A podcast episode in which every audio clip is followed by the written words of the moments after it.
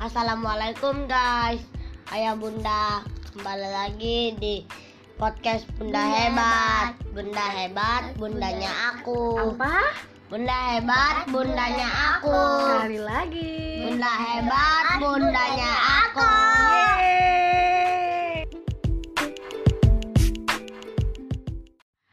Assalamualaikum warahmatullahi wabarakatuh Ayah bunda ketemu lagi sama aku Sama saya di podcast Bunda Hebat Hari ini saya ngisi podcast ditemenin sama bayi yang lucu Nah dia cuma senyum Apakah dia mau bersuara? Assalamualaikum Farzan Mana suaranya?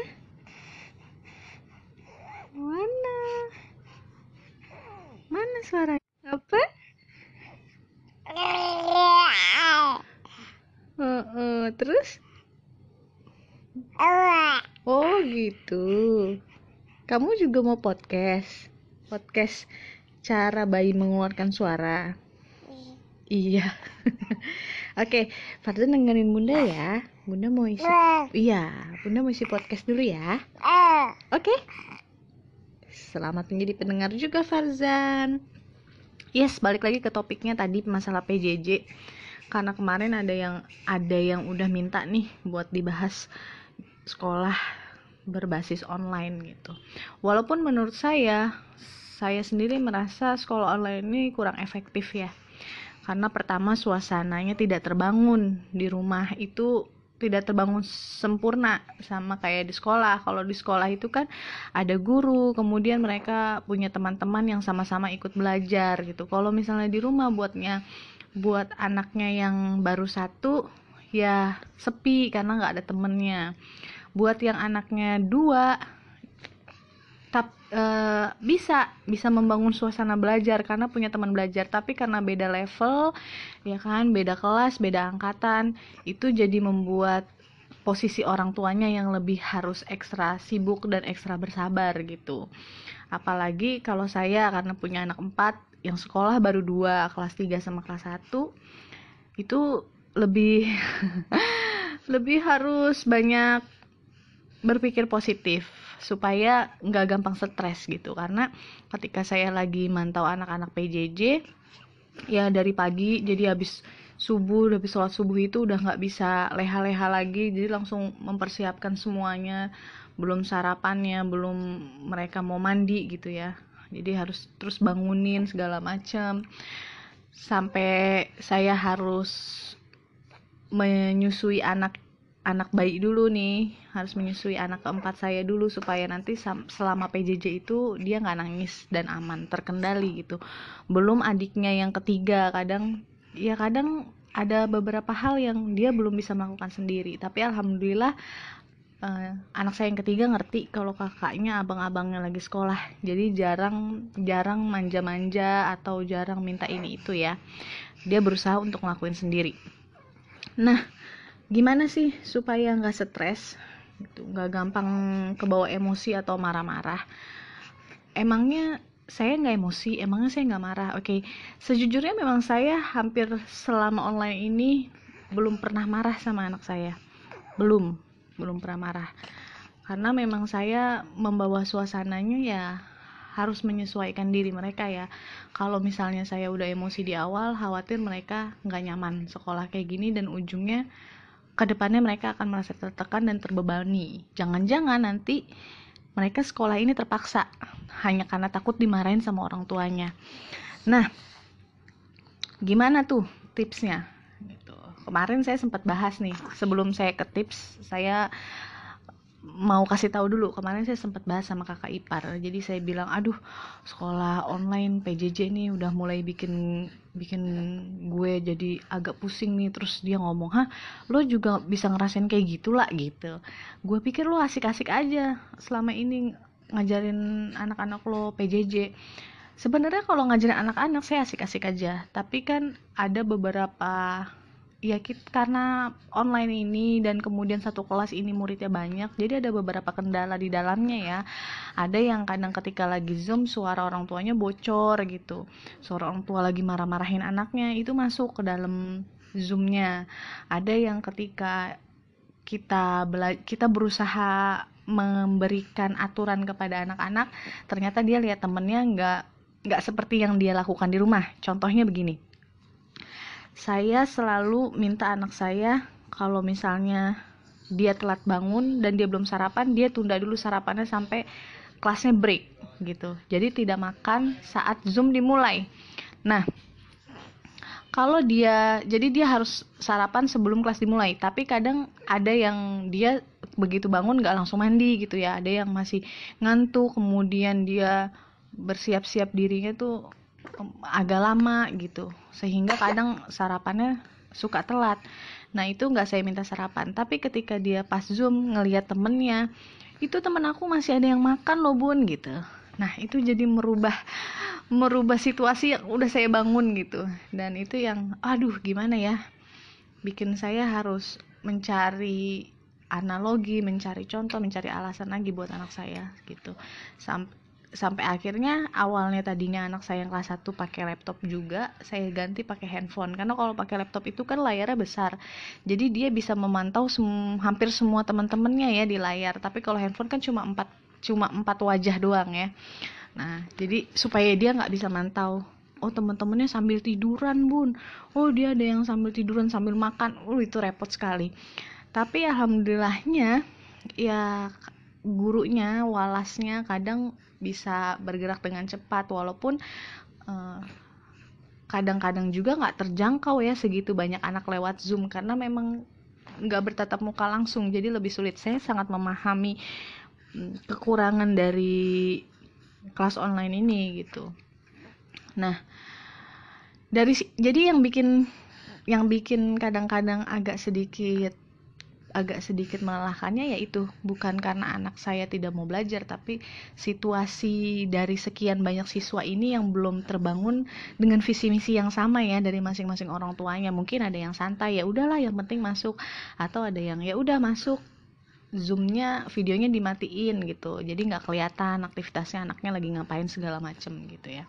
Dan itu yang butuh ekstra ekstra kesabaran saya untuk melatih anak saya anak-anak saya supaya ya mereka punya prinsip masing-masing punya pendirian masing-masing dan punya aturan masing-masing gitu aturan yang dibangun sama saya sendiri.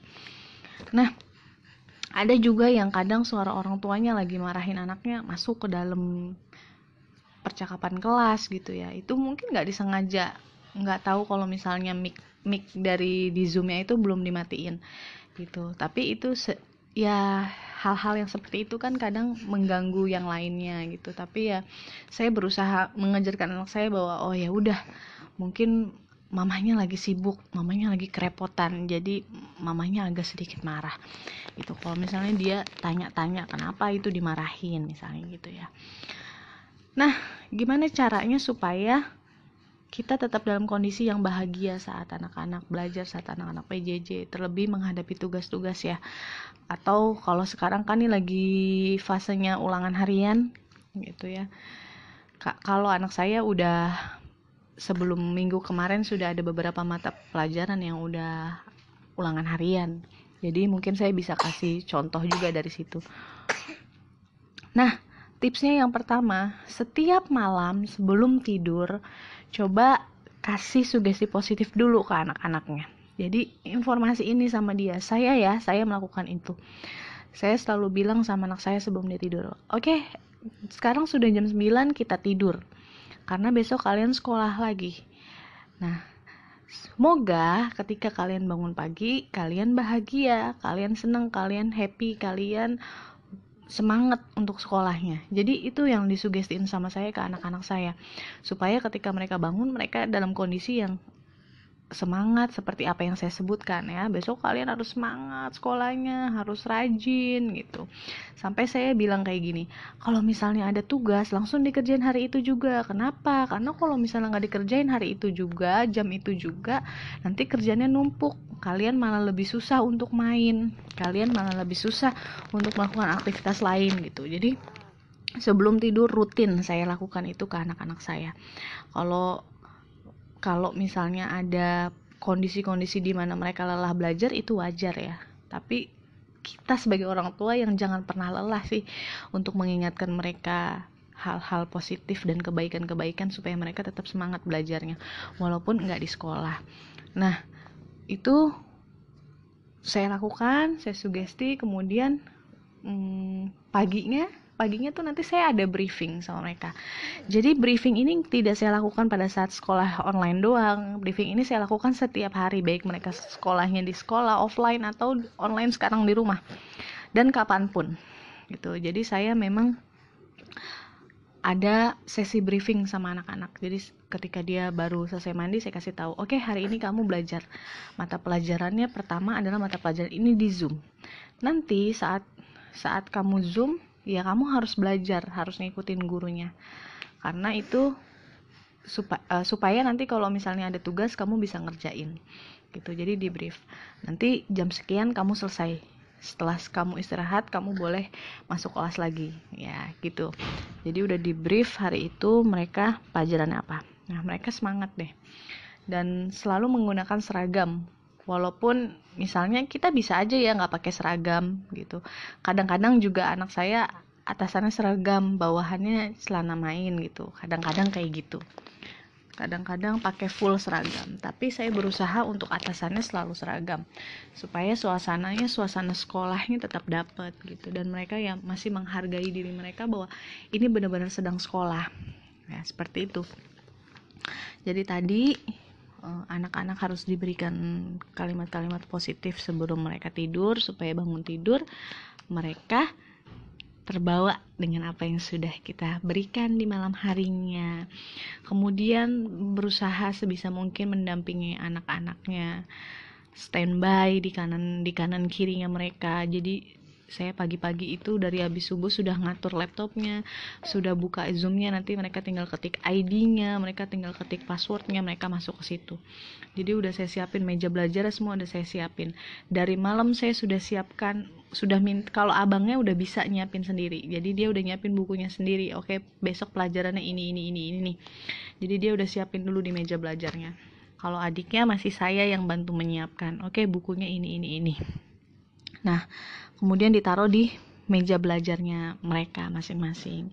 Jadi mereka mandi, sarapan itu udah langsung duduk di meja belajarnya masing-masing gitu ya. Di depan laptop masing-masing. Kemudian tadi yang pertama sugesti positif, yang kedua dampingin anak sebisa mungkin. Kalau misalnya ayah bundanya kerja ya nggak apa-apa. Yang penting tadi malamnya udah di brief dan dikasih informasi bahwa hari ini pelajarannya apa aja supaya anak-anak itu bisa prepare atau yang ngedampingin bisa prepare. Misalnya kita minta tolong sama kakaknya kah yang udah lebih besar atau kita minta tolong sama mbaknya. Yang penting itu udah di brief satu hari sebelum sekolah dilaksanakan supaya yang mendampingi juga bisa siap-siap gitu. Nah, dampinginnya dampinginnya itu kalau bisa ya memang dari awal sampai selesai sekolah karena saya melakukan itu. Tapi kalau misalnya nggak bisa sesekali saya pantau itu nggak bisanya dalam dalam konteks apa? Kalau saya kan misalnya anak anak saya yang terakhir nangis bayi nangis gitu ya butuh nyusu maka saya tinggal. Tapi setelah itu selesai saya balik lagi. Jadi memanage waktunya itu benar-benar yang ekstra luar biasa banget dan bener-bener detail saat PJJ ini dimulai. Nah, setelah setelah biasanya ada tugas. Nah, ketika mereka dikasih tugas, usahakan mereka mengerjakannya saat itu juga di jam itu juga gitu. Jadi misalnya ada tugas, oke okay, kerjakan buku halaman sekian. Langsung minta mereka untuk mengerjakan. Ya langsung minta mereka untuk mengerjakan supaya nggak ketunda. Karena kalau udah ketunda itu level stresnya bisa lebih tinggi lagi daripada tugas yang udah dikerjakan. Jadi saya selalu kasih tahu anak-anak saya dengan contoh ya kayak gitu. Kalau misalnya kamu nunda tugas kamu nggak ngerjain tugas nanti waktu bermain kamu terkuras sama waktu belajar kamu karena ini tetap harus diselesaikan. Nanti kamu ulangan nggak bisa gitu. Jadi dikasih informasinya kayak gitu. Nah anak yang saya yang kelas 1 dia senang sekali kalau misalnya udah ayo kerjain tugas. Dia senang banget kerjain tugasnya tuh sampai selesai. Karena dia tadi dia pikir bun kalau misalnya udah selesai aku boleh main ya? Boleh. Yang penting tugas selesai gitu. Jadi dia senang dikerjain saya dampingin. Setelah itu kirim kirim kirim upload upload upload selesai. Nah itu itu membuat mereka terbebaskan dari beban sekolahnya kalau misalnya tugasnya udah selesaiin duluan. Oke. Nah setelah pada saat break gimana? Pada saat break kan kadang anak-anak suka ini ya apa suka habis itu main atau nonton. Kayak anak saya nih kadang-kadang suka nonton tiba-tiba nonton di YouTube gitu. Karena wifi-nya nggak saya matiin kan tiba-tiba dia main game gitu di laptop. Nah itu saya udah kasih warning duluan. Jadi saya udah bilang sama anak-anak saya ketika kalian lagi belajar saatnya belajar kalian belajar. Kalau kalian mau nonton oke okay, bunda akan kasih nonton. Biasanya anak saya ini kalau sekolahnya offline sekolahnya di sekolah itu hampir nggak pernah nonton dan memang nggak nggak saya kasih nonton. Jadi semenjak PJJ ini ya ada beberapa reward yang harus saya korbankan. Dari beberapa hal yang sebenarnya tidak pernah saya lakukan sebelumnya. Kayak misalnya nonton oke okay, nanti bunda kasih nonton. Walaupun ya nontonnya masih seminggu dua kali ya. Nah, oke okay, bunda kasih nonton setelah kalian selesai belajar. Itu selesai belajar semua boleh nonton waktunya satu jam misalnya gitu rewardnya. Tapi tolong ikuti apa yang bunda inginkan juga. Kalau misalnya kamu mau bunda ngikutin kamu karena kamu minta nonton oke okay, bunda ikutin. Tapi kamu juga harus ikutin bunda. Jadi kasih mereka feedback hmm, yang mereka bisa sama-sama saling menguntungkan gitu ya. Simbiosis mutualisme. Oke jadi e, mereka melakukan apa yang kita inginkan kita melakukan apa yang mereka inginkan. Dan itu selalu dengan persyaratan gitu nah jadi itu cara di break coba coba kasih kesepakatan gitu ya kesepakatan yang sama-sama adil bagi anak-anak sama ibunya. Anak-kadang kalau break ya udah terlalu lama mereka udah tidur tiduran udah susah lagi tuh balikinnya. Tapi alhamdulillah selama ini anak-anak saya dengan cara yang kayak gitu saya kasih kesepakatan oke okay, nanti habis ini boleh nonton sejam silakan tapi belajar dulu atau misalnya uh, oke okay, nanti apa kalian boleh main lebih lama gitu dari jam mainnya tapi belajar di kelasnya pada saat saat kelas dimulai harus langsung masuk gitu. Jadi jadi dikasih dikasih arahan sama mereka. Nah setelah selesai semua sekolahnya selesai jangan langsung memberikan tugas rumah. Maksudnya tugas rumah gimana? Jangan langsung minta bantuan anak untuk melakukan hal-hal yang biasanya kita minta tolong sama mereka ya atau kita suruh. Misalnya e, bang tolong ambilin ini atau iya pokoknya melakukan pekerjaan rumah deh. Nah hindari itu dulu karena mereka masih masih lelah. Gitu masih masih masih butuh masih butuh waktu untuk istirahat. Jadi saya nggak pernah minta bantuan anak saya setelah mereka selesai sekolah. Itu biasanya sampai jam makan siang. Jadi sampai jam makan siang gitu. Jadi kan selesai sekolah itu jam rata-rata jam 11 atau setengah 12 setelah itu mereka boleh main. Terserah kan mereka mau main sama adiknya boleh. Mau main sama saya boleh gitu. Nanti setelah jam makan siang ya udah aktivitas kalau misal saya mau minta tolong bantuin nyapu mau minta tolong apa ya setelah itu itu jadi jangan langsung dibebani oleh pekerjaan rumah lainnya setelah sekolah itu selesai. Ini kalau saya ya, kalau misalnya ada teman-teman yang lain bisa melakukan itu ya silakan aja gitu. Tapi kalau saya seperti ini. Nah, itu untuk kondisi dari sisi anak-anak. Dari sisi aduh, dari sisi kita sebagai orang tuanya seperti apa? Sama. Saya selalu melakukan memberikan sugesti-sugesti positif kepada diri saya sendiri sebelum saya tidur gitu jadi ya besok saya harus bahagia anak saya belajar ini jadi kalau saya buka buka jadwal pelajarannya malam hari ini saya buka oh besok anak-anak belajar ini kan uh, sementara saya siapkan bukunya ini ini ini udah. Kemudian sebelum tidur ya udah kita harus menghilangkan semua permasalahan atau pikiran-pikiran negatif kita yang terjadi di hari di hari ini ya di dari mulai pagi hari sampai malam harinya itu. Kalau misalnya ada ada something atau ada hal-hal negatif ya itu harus buru-buru dirilis gitu. Nah jadi pada saat tidur itu pada saat tidur eh pada saat sebelum tidur kasih sugesti positif dulu ke diri sendiri bahwa besok adalah hari-hari yang lebih bahagia dari hari ini.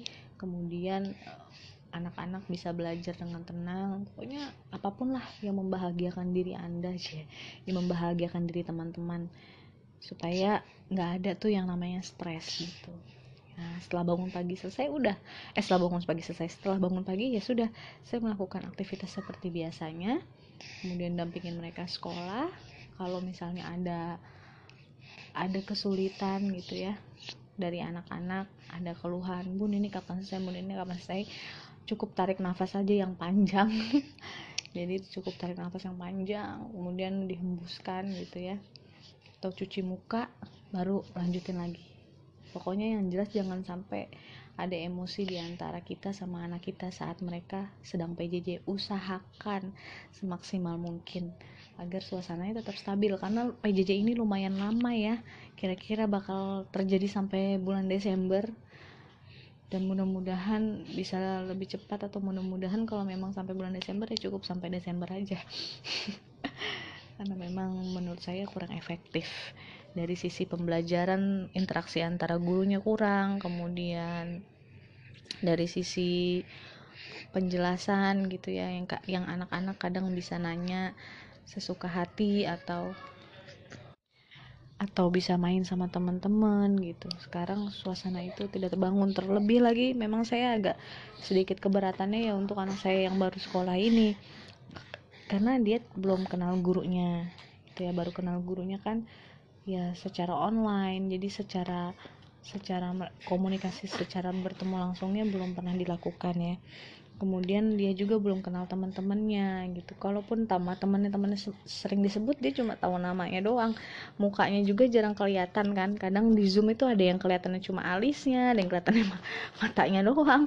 Ada yang kelihatannya seragamnya doang gitu. Ada yang ditutup ada yang di close videonya. Jadi macem-macem lah gitu dan ya itu membuat dia sampai sekarang pun dia cuma tahu namanya. Kalau ditanya kamu punya namanya punya teman namanya siapa? Ini ini ini tapi dia nggak tahu nggak hafal orangnya. Bahkan ya nama temannya juga cuma beberapa gitu. Dan itu membuat saya jadi ya gimana ya kasihan juga ngelihatnya gitu. Karena belum belum belum ada kawan gitu.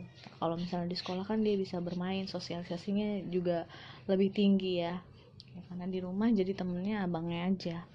Oke tadi buat diri kita juga saya memberikan sugesti positif. Kemudian sebisa mungkin menghindari amarah kepada anak kita. Setelah materi PJJ selesai hari itu ya udah kembali lagi. Tapi sebelum melakukan pekerjaan juga kalau bisa sih ya ya udah me time dulu. Bebas kalau saya kalau saya biasanya me time-nya itu di rumah. Entah nanti saya makan atau saya rebahan sebentar beberapa menit sambil memberikan sugesti sugesti positif lanjutannya gitu. Terus main sama anak-anak gitu ya happy happy sama mereka. Nah baru deh habis itu kerjain aktivitas lainnya. Bisa pekerjaan rumah bisa pekerjaan urusan kantor urusan usaha dan lain-lain begitu. Jadi memang segala sesuatu yang dimulai dengan pikiran positif hati positif dan pergerakan yang positif. Insya Allah semuanya jadi lebih mudah dan lebih tenang buat dilakukan. Itu tipsnya dari saya yang memang saya gunakan dan alhamdulillah sampai hari ini kita sudah hampir dua bulan ya belajar PJJ masih efektif kemudian oh ya kemudian juga buat ulangan saya juga buat ulangan ke anak saya tetap memperlakukan sama seperti dia ulangan di sekolah. Jadi dia tetap belajar saya minta belajar gitu. Dia tetap harus belajar materinya apa yaitu yang kita ajarin. Dan satu saya tidak pernah memaksa anak saya untuk belajar pada saat ulangan. Maksudnya gimana? Jadi saya gini bang besok kamu ulangan. Kamu mau belajar jam berapa kamu mau belajar habis asar habis maghrib atau kamu mau belajarnya nanti malam? Gitu. Jadi nanti Bunda bangunin jam berapa kamu belajar? Terserah kamu pilih. Yang jelas bunda nggak akan minta kamu belajar setelah kamu selesai PJJ karena itu tidak memungkinkan. Semakin anak ditekan dengan banyaknya materi baru selesai belajar udah harus belajar lagi buat ulangan mungkin dia akan lebih cepat jenuh gitu. Jadi saya biarkan dia milih. Biasanya anak ini mintanya boleh bun habis asar. Habis asar atau dia milih habis maghrib. Itu jadi dia milih di antara dua itu. Saya tetap mm, mengajarkan dia gitu. Saya tetap ngajarin dia belajar sesuai dengan materinya. Apa nah pada saat PJJ ini sangat memungkinkan anak-anak untuk nyontek, sangat memungkinkan, sangat memudahkan mereka untuk mencontek. Baik apalagi ya kalau untuk anak-anak yang udah level level 3 ke atas, itu mereka bisa nyontek lewat lewat Google, lewat internet, lewat mana pun ya. Karena ya dia udah bisa mengaplikasikan itu. Atau lewat buku. Ya lewat materi-materi yang dikasih sama gurunya. Lewat slide lewat video lewat apa pun lah bentuk pembelajaran PJJ ini. Ada hal yang unik dari anak saya. Dia ini kemarin ujian harian. Kemudian dia bilang bun ini mah bisa nyontek ya kita gitu. Karena kita ngerjain di rumah nggak diliatin sama bu guru atau nggak diliatin sama pak guru. Gitu. kita bisa nyontek ya jawabannya. Ya saya cuma jawab karena saya kamu mau milih nyontek atau enggak? Jawabannya dia kalau misalnya mau nyontek ngapain abang capek-capek belajar? Gitu. Jadi dia tetap belajar dia tetap ngerjain dan semua media dan ya saya sebagai orang tua mendukung mendukung dia ya dalam mengerjakan ujian. Jadi semua media itu ya kita kita tutup baik buku slide ataupun um, internet. Gitu. Kadang sebelum dimulai nih kan ada breaknya ya 15 menit. Nah itu sebelum mulai kadang saya suruh dia baca-baca dulu lagi dari ulang jadi masih fresh gitu. Sebenarnya di sekolah pun gitu saya minta anak saya bang nanti kalau ujian kamu kan ada jam istirahat coba aja dibaca-baca ulang lagi bukunya. Jadi kamu bisa bisa bisa mempelajari apa yang udah dipelajari di rumah gitu. Dan itu berlaku selama dia juga PJJ alhamdulillah anaknya nggak ngeluh dan dia tetap melakukan yang terbaik gitu. Jadi coret-coretannya ada. Jadi kalau misalnya dia ulangan matematika kayak kemarin nih dia pembagian itu ternyata belum begitu belum begitu bisa ya pembagian. Jadi saya latih dia sampai benar-benar dia bisa tanpa melihat contoh tanpa melihat buku. Berlembar-lembar dia coba oke coba terus lagi lagi bang lagi bang ini belum bisa bun oke lagi coba lagi. Pokoknya sampai abang berhasil sampai abang berhasil tiga kali berhasil baru bunda stop. Kalau enggak enggak gitu. Jadi dia terus belajar terus belajar itu gitu ini ada ini ada anaknya nih mungkin bisa bisa saya tanya langsung sini bang bang sini bunda mau tanya-tanya bunda lagi bikin podcast bunda mau tanya Oke, di sini ada ada ada anak saya nih yang kelas 3. Kemarin kan Abang ujian matematika. Terus Abang nggak bisa pembagian kan? Waktu lagi belajar Abang kesulitan pembagian kan? Di situ Abang diminta sama Bunda belajar berulang-ulang nggak? Berulang-ulang sampai bisa tiga kali. Sampai Abang bosen nggak? Enggak. abang sempet ngeluh tapi kan?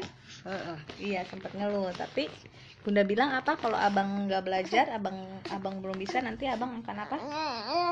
Akan mudah ditipu orang. Oke, makasih abang. Jadi jawaban saya gitu. Kenapa kamu harus belajar ketika dia tanya. Jadi dia sempet dia sempet ngeluh capek karena memang ini nggak berhasil berhasil bun gitu. Pembagiannya kan udah ratusan ya. Jadi dia masih suka kesulitan di situ. Kemudian juga ada beberapa soal kan.